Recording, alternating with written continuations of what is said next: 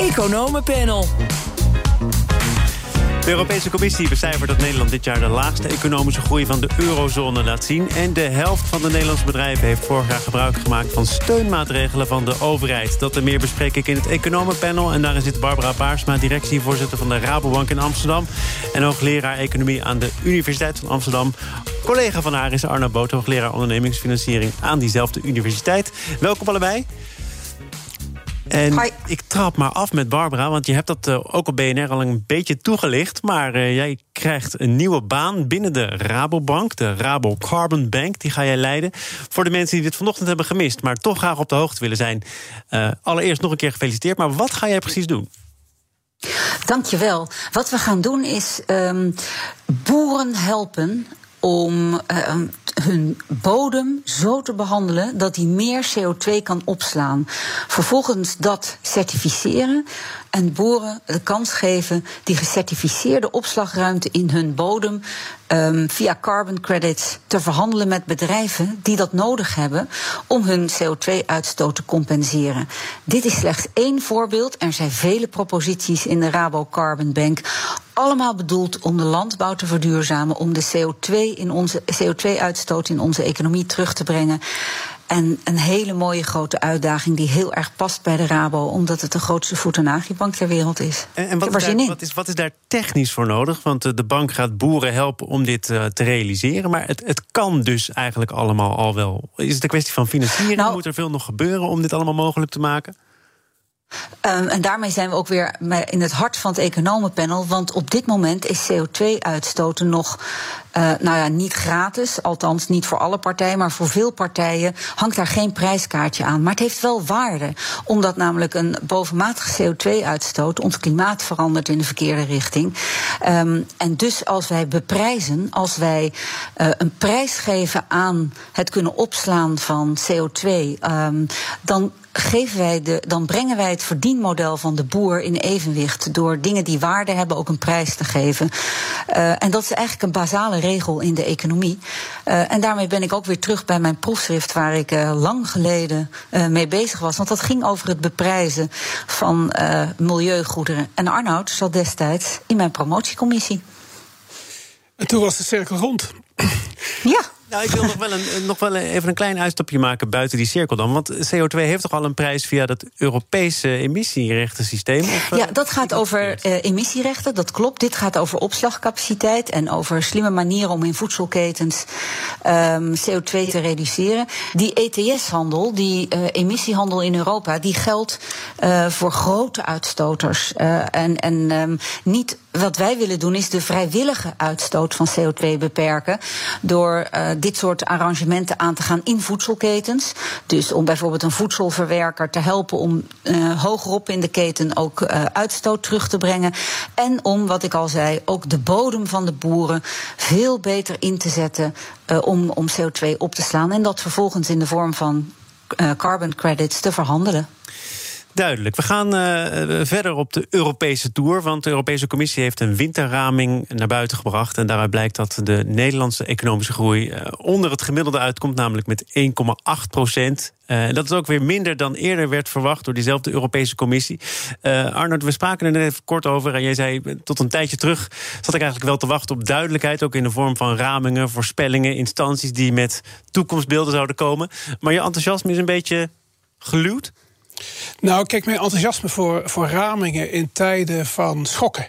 Ja, en dit zijn natuurlijk schokken. En elke lockdown is weer een schok. En elke heropleving van het virus is weer een schok. Economische modellen zijn er niet uh, om schokken te voorspellen. Dat kunnen ze helemaal niet. Uh, we kunnen scenario's maken van als er dit gebeurt en dat gebeurt en dergelijke lock-up, dan kunnen we zeggen wat het economisch plaatje zou zijn. Dus het, het is absoluut onmogelijk om een zinvolle voorspelling te doen over 2021, over dit jaar, als we niet weten hoe het virus zich dit jaar gaat gedragen.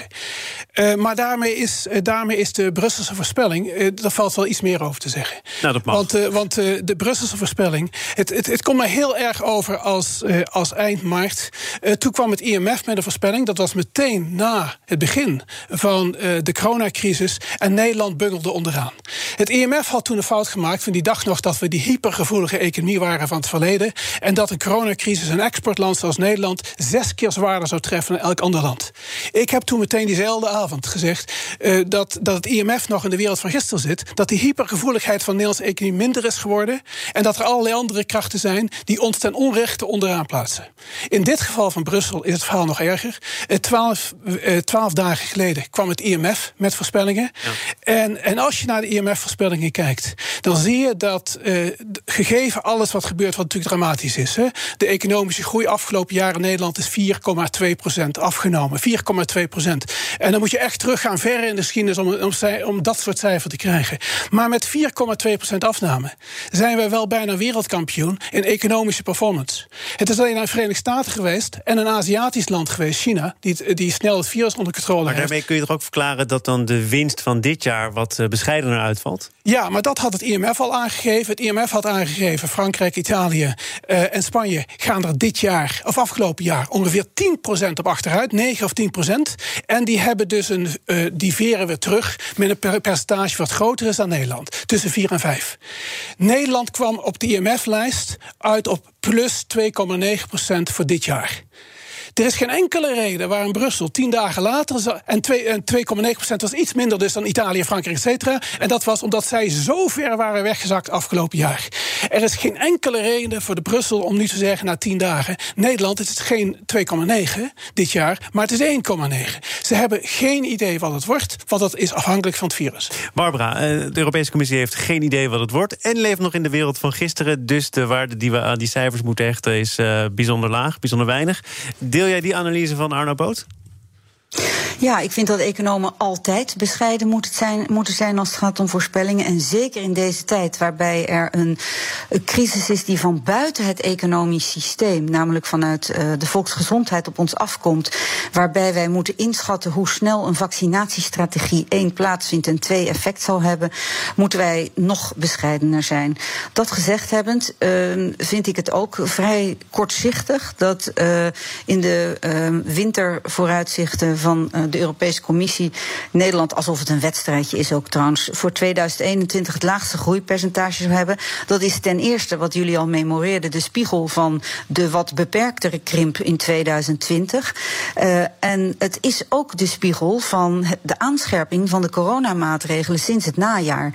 Waren wij uh, aanvankelijk in de coronacrisis van de vier grootste economieën in de eurozone of in de EU, neem Duitsland, Frankrijk, Italië en Spanje, steeds het land met de meest soepele maatregelen. Nu zijn wij het land met de meest scherpe, de meest strikte maatregelen. En ja, dat heeft ook economische repercussies. Zeker als je daarbij optelt dat we relatief traag vaccineren. En dus weinig uitzicht hebben op een snelle exit-strategie. En dat doet iets met de verwachtingen in de economie. En die verwachtingen zijn heel bepalend voor hoe het uiteindelijk uit zal pakken. Kijk, um, kijk waar, we, waar we mee uit moeten kijken is. Um, want ik ben het helemaal met, uh, met, met Barbara eens. Maar waar we mee uit moeten kijken is dat we op basis van dagkoersen uh, gaan kijken van hoe Nederland het doet ten opzichte van andere landen. Uh, de uitrolstrategie van de, de vaccinatie. over een maand of twee maanden blijkt dat Nederland het helemaal niet zo slecht gedaan heeft achteraf. Omdat andere landen misschien op bepaalde momenten weer onhandiger zijn geweest. Het IMF tien dagen geleden had precies dezelfde informatie als Brussel vandaag heeft. Er is de laatste tien dagen niks veranderd. Dus dus we moeten echt uitkijken dat we in ieder geval het verschil tussen IMF en Brussel niet proberen te verklaren. Want dat verschil kan niet verklaard worden, want er is geen nieuws geweest de afgelopen tien dagen. toch zijn er vorige week wel, en dat is wel nieuws geweest, eh, vakbonden geweest en ook een kredietverzekeraar, krediet, uh, ja, precies een kredietverzekeraar. Die hebben gezegd, uh, aangezien Nederland zo rommelig en zo traag vaccineert, gaat dat investeringen kosten die dan naar andere landen gaan. Absoluut. heeft gezegd, hoe langzamer wij hier vaccineren, hoe meer banen er uiteindelijk op de tocht komen te staan. Dus je kunt wel zeggen, ja, op de lange duur zal misschien wel blijken dat Nederland het goed gedaan heeft. Maar je moet ook nu toch wat tempo blijven maken. Ja, absoluut. Uh, maar, maar dat zeg ik ook niet. Het nieuws over vaccineren in Nederland was een maand geleden slechter dan het nieuws nu is. En zeker in relatieve zin tot andere landen. Dus, dus je moet geweldig. Dus een maand geleden was dit allemaal al bekend. Deze informatie lag gewoon al op straat. Dus je moet daar geweldig mee uitkijken. Wat, wat, wat een fundamenteel probleem is, en dat vind ik veel erger, en ongetwijfeld Barbara ook, is dat de wijze waarop wij denken uit uh, de coronacrisis te kunnen komen.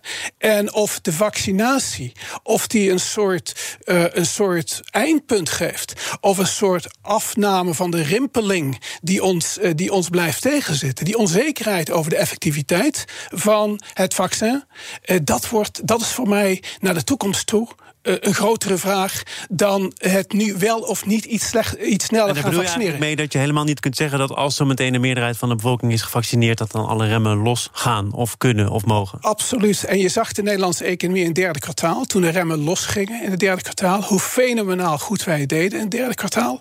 En je ziet dus hoe snel de Nederlandse economie kan herstellen. Maar als die onzekerheid over het virus blijft dooretteren de komende jaren. Ja en die kans is groter dan een maand geleden en groter dan twee maanden geleden, dan is dat buitengewoon slecht voor de economie. Want onzekerheid, dat is iets waar, waar de economie niet van. Ik ga het even aan Barbara vragen, want hier werd gesteld dat jij dat ongetwijfeld ook zo zou zien. Is dat zo?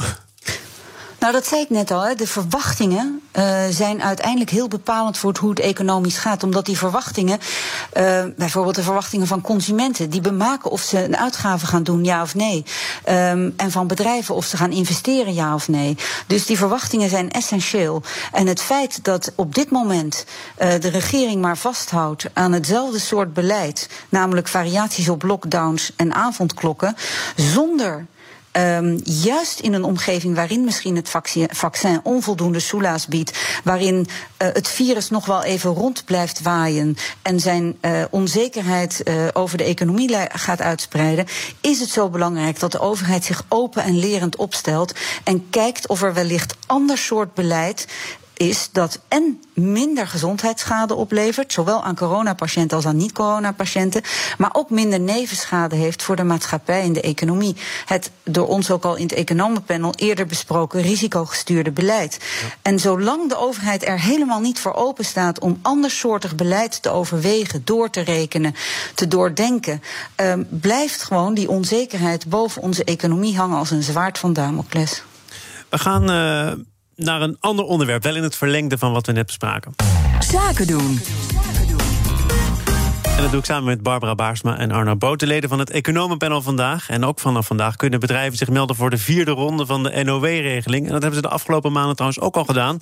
TBS meldde dat bijna de helft van de Nederlandse bedrijven vorig jaar gebruik gemaakt heeft van enige vorm van steun. Uh, dat zie je ook terug in de cijfers, want er zijn maar 2700 bedrijven failliet gegaan. Dat is het laagste aantal in uh, 20 jaar tijd. Arnoud, betekent dat dat het beleid gewerkt heeft... of dat het uh, op de laatste benen loopt... en misschien binnenkort wel in elkaar stort wat betreft het bedrijfsleven? Ja, dat is een hele, hele lastige vraag. Het beleid heeft gewerkt. Hè, in, in de betekenis dat de bedoeling van het beleid was om zoveel mogelijk economische activiteit overeind te houden. En mensen niet onnodig de straat op te, de straat op te gooien. Dus bedrijven helpen te overleven door de crisis heen. Ik denk dat het beleid daar uh, een wezen goed gewerkt heeft. Ja, we, kunnen, we zullen allemaal haken en ogen zien aan het beleid, wat beter en slechter kan. Maar uh, wat, we, wat we duidelijk zien, is dat die nul of die afname van het aantal faillissementen over een lange periode, daar staat een plaatje tegenover. En dat plaatje er tegenover is het plaatje van de fallen angels. En dat zijn de engelen, de vallende engelen. En we zien dus dat de oploop. Uh, IMF heeft daar een prachtig plaatje ook van gegeven. Wederom twaalf dagen geleden. Dus het IMF-rapport in dit geval is wel het rapport om te lezen. Het is die update uh, van het World, uh, World Economic Report in, in januari. de bedrijven dus die het moeilijk hebben en die eigenlijk om omvallen staan, is hoger dan dan. Dus het aantal faillissementen lager dan ooit. En het aantal bedrijven wat op het moment dat die, op het moment dat die eh, steun weggetrokken wordt, waarschijnlijk gaat omvallen is geweldig groot. Dus dat legt, een, uh, dat legt een geweldige hypotheek op hoe de overheid op het moment dat ze die maatregelen gaat afbouwen, hoe ze die gaat afbouwen. En het legt ook een hypotheek op de overheid eigenlijk nu. Is het beleid om zoveel mogelijk overeind te houden, heeft dat er nu voor gezorgd dat bedrijven allemaal een stapje terug hebben gedaan, niet geherstructureerd hebben, zich niet aangepast hebben er zijn aan bedrijven die wel herstructureren, ook op grote schaal. Oh, we absoluut. hebben hier op deze zender vrij vaak over bijvoorbeeld Heineken gehad laten we, duizenden. Ja, laten we even de grote bedrijven parkeren. De grote bedrijven is politiek. Ja, uh, in positieve en negatieve zin van het woord is politiek. Uh, Heineken heeft trouwens geen uh, steun aangevraagd. Heineken. Heineken heeft gezegd: onze, wij zijn sterk genoeg op de markt en wij vragen geen steun aan. Die steun is bedoeld, heeft Heineken ook gezegd, voor het MKB, voor het middelgrote, kleine, middelgrote bedrijfsleven. Dat vond ik een prachtig standpunt van het bedrijf. Je lost je eigen problemen op als je jezelf kunt oplossen.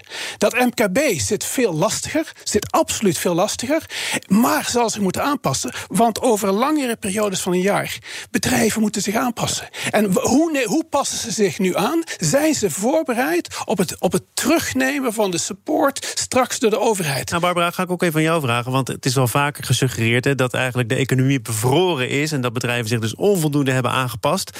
Is dat, is dat echt een groot risico op dit moment? Moeten bijvoorbeeld banken zich daar ook al op voorbereiden dat dit eraan zit te komen? Dat doen we, want we kijken uh, naar een paar dingen. We kijken niet alleen naar het aantal faillissementen, want dat is in dit geval kunstmatig laag door de inderdaad ruimhartige en effectieve steunpakketten. Maar uh, als je wat dieper kijkt, dan zie je dat het aantal vrijwillige uh, bedrijfsbeëindigingen is toegenomen. Je ziet dat de onderlinge onderhandse financieringen, dus iemand die een horecabedrijf heeft, die wat leent van familie en vrienden om de boel overeind te houden, is enorm toegenomen. Het aantal um, even stilgezette betalingen aan huisbazen en andere toeleveranciers is ook enorm toegenomen. Er is met andere woorden een kaartenhuis ontstaan om bedrijven uh, overeind te houden. Niet alleen met steun van de overheid, maar ook met steun van familie en vrienden en toeleveranciers. En als daarvan eentje zegt, en nu wil ik mijn geld terug, dan, sorry voor het uh, harde Nederlands, sodemietert het kaartenhuis in elkaar. En daar zijn wij enorm beducht op. Uh, en, en dat op, nou, zeker een sector als de horeca, maar ook wel de overige zakelijke of de overige dienstverlening, denk aan kappers, die staan wel op dat punt. Je ziet dat ook terug in de cijfers. Wie heeft vooral gebruik gemaakt? Hè? Bijna de helft van de bedrijven heeft twee of met twee of meer personen, dus exclusief de ZZP'ers, die maakten vorig jaar gebruik van die steunmaatregelen. Um, 28% maakte gebruik van de NOW, de loonmaatregelen. Daarvan was 60, 60% van de horeca heeft gebruik gemaakt van die nou. Uh, en zelfs als je kijkt naar de vaste lastentoeslagen, uh, dan heeft 84%, bijna 85% van de horeca daar gebruik van gemaakt. Als dat vermindert, afgebouwd wordt of, of zelfs stopgezet, ja, dan valt dat kaartenhuis in elkaar. Um, en dat is denk ik een hele belangrijke. Tegelijkertijd wil ik wel een compliment geven. De overheid heeft, de Nederlandse overheid, we hadden het net over de relatief beperkte krimp van Nederland in, in uh, de eurozone, of in de EU. Nou, dat komt ook door deze ruimhartige steun. En we hebben onderzocht waar die steun terechtkomt. En of het nou op goed geluk of door uh, goed design is. Het komt vooral bij die bedrijven terecht met een lage omzetverwachting, een grote omzetonzekerheid en bovengemiddeld vaak bij bedrijven die goed gemanaged zijn we hebben een database waarin we dat kunnen meten. En dat laat wel zien dat, um, ja, dat, dat ook bedrijven zijn, MKB en grotere bedrijven, die wel veranderingsgezind zijn. En ja, dat is mijn hoop. Dat we uiteindelijk deze crisis gebruiken. Niet alleen om te stutten en te steunen, maar ook om te stimuleren. Te stimuleren om te innoveren in digitalisering, in internationalisering. Want dat blijkt uit academisch onderzoek blijkt het recept om een doorstart te maken na tijden van stagnatie waar we nu in zitten. Als je kijkt naar uh, regelingen waar op grote schaal gebruik van gemaakt is, dan zijn er net een paar genoemd. Op drie staat uitstel van belastingen. En er is inmiddels al een lobby gaande vanuit MKB Nederland om ervoor te zorgen dat het uitstel niet uitstel is, maar afstel wordt. Kwijtschelding van de schulden. Alleen dat zou ondernemers echt lucht geven. Ik geloof dat er ook al een reactie is geweest van de staatssecretaris Velbrief, die hier uh, namens de Belastingdienst over gaat. En ik wil best eens kijken of er iets mogelijk is van een kickstart. Ik geloof dat er binnenkort ook verkiezingen aankomen. Maar Arnoud, hm. hoe moet je hier nou naar kijken? Naar dit soort pleidooien om te zeggen: oké, okay, die schuld die schelden kwijt. Ja, gewoon één stap terug. Uh, kijk, wat heeft het MKB nodig? Het MKB heeft nodig balansherstel. En balansherstel, daar bedoel ik mee allemaal schulden op de, op de, op de balans. Uh, garanties van de overheid op, op leningen leiden ook tot meer schulden op die balans. Uh, het MKB moet op het moment dat ze weer vooruit kijkt, kan kijken, moet een relatief gezonde balans hebben. Want ze zal moeten kunnen investeren op dat moment. Dus de vraag is, hoe zorgen we ervoor, met al die prikkels die we gegeven hebben, sommige regelingen, zoals de vaste lastenregeling is natuurlijk een hele mooie regeling, want dat was geen schuld. Dat was een, een gift eigenlijk. Dus dat heeft gezorgd voor geen verdere, of in ieder geval relatieve balansverbetering. Relatieve, bij alle, bij alle verslechtering. Dus de vraag is, hoe zorgen we voor balansherstel? Dat is de cruciale vraag. Uh, met een aantal Duitse en Italiaanse economen hebben we, wij, al een aantal keer een pleidooi gedaan. Verzin eigen vermogen type instrumenten. Dus geen leningen, eigen vermogen type instrumenten. Geen echt eigen vermogen, maar denk even op grote schaal hebben we in de financiële crisis hebben we ING gered met een soort eigen vermogen type rendement, eh, instrument wat terugbetaald moest worden. Kijk dan nu naar die belastingclaim van die bedrijven. Zet die belastingclaim van die bedrijven. Kwijtschelden is, uh, dat kan op bepaald, tot bepaald niveau misschien. Uh, ik, ik, ik, wil het niet helemaal uitschelden. Jij, noemt, toch terug, jij, jij, noemt nu terugbetaling, toch? Dat... Ja, terugbetaling. Maar kijk, eigen vermogen type instrument, dat betekent dat het geen schuld is die als een zwaard van Damocles, zoals Barbara het net noemde, boven de markt hangt. Een eigen vermogen type instrument betekent dat het risicodragend is, dat het meebeweegt en dat je daardoor niet failliet kunt gaan. Dus wat mij betreft uh, proberen we nu. Het is een hele buitengewone crisis. Het bedrijfsleven is er geen schuld aan, de financiële sector is er geen schuld aan. Het is een medische crisis. Kijk hoe je die belastingsschulden voor een stukje misschien kunt kwijtschelden en voor een stuk omzetten in een soort eigen vermogen. Dat betekent dat bedrijven, naar gelang hun prestatie in de toekomst, die belasting dus via eigenlijk een heel lang soort uitstel, wat geen. Studieschuld, eigenlijk. En naarmate je geld verdient. Ja, het, het, is, het is een wezen variant op studieschuld, zolang je er niet aan failliet kunt gaan. Want dan is het eigen vermogen type instrument, absoluut. Eh, Barbara, is dit uh, een gedachte die uh, verdere uitwerking verdient? Zit hier de crux? Nou, dat denk ik zeker. Want uh, uh, alleen maar meer schulden uh, en, en, en financieringen geven aan het MKB um, is waarschijnlijk niet waar ze mee, uh, mee, geholpen zijn. Soms hebben ze overbruggingskredieten nodig. Hè, dan is het niet anders omdat ze liquiditeitssteun nodig hebben. Maar uiteindelijk is hun solvabiliteit ook van belang. Van belang. En dus het nadenken over hoe je, zoals uh, Arnoud dat noemt, balansverlichting aan kan brengen, is denk ik een hele vruchtbare. Want dan gaan ze met een lichtere balans, zijn ze ook veel beter in staat om die transformatie waar we het eerder over hadden, um, toekomstvast te worden, zeg maar. Hun bedrijfsmodel aan te passen. Misschien nog onderdelen van hun bedrijf die levensvatbaar zijn doorstarten en de rest stoppen of verkopen. Uh, om dat mogelijk te maken. Dus het maakt ze veel uh, flexibeler in dat opzicht. Dus ja, daar ben ik het wel mee eens.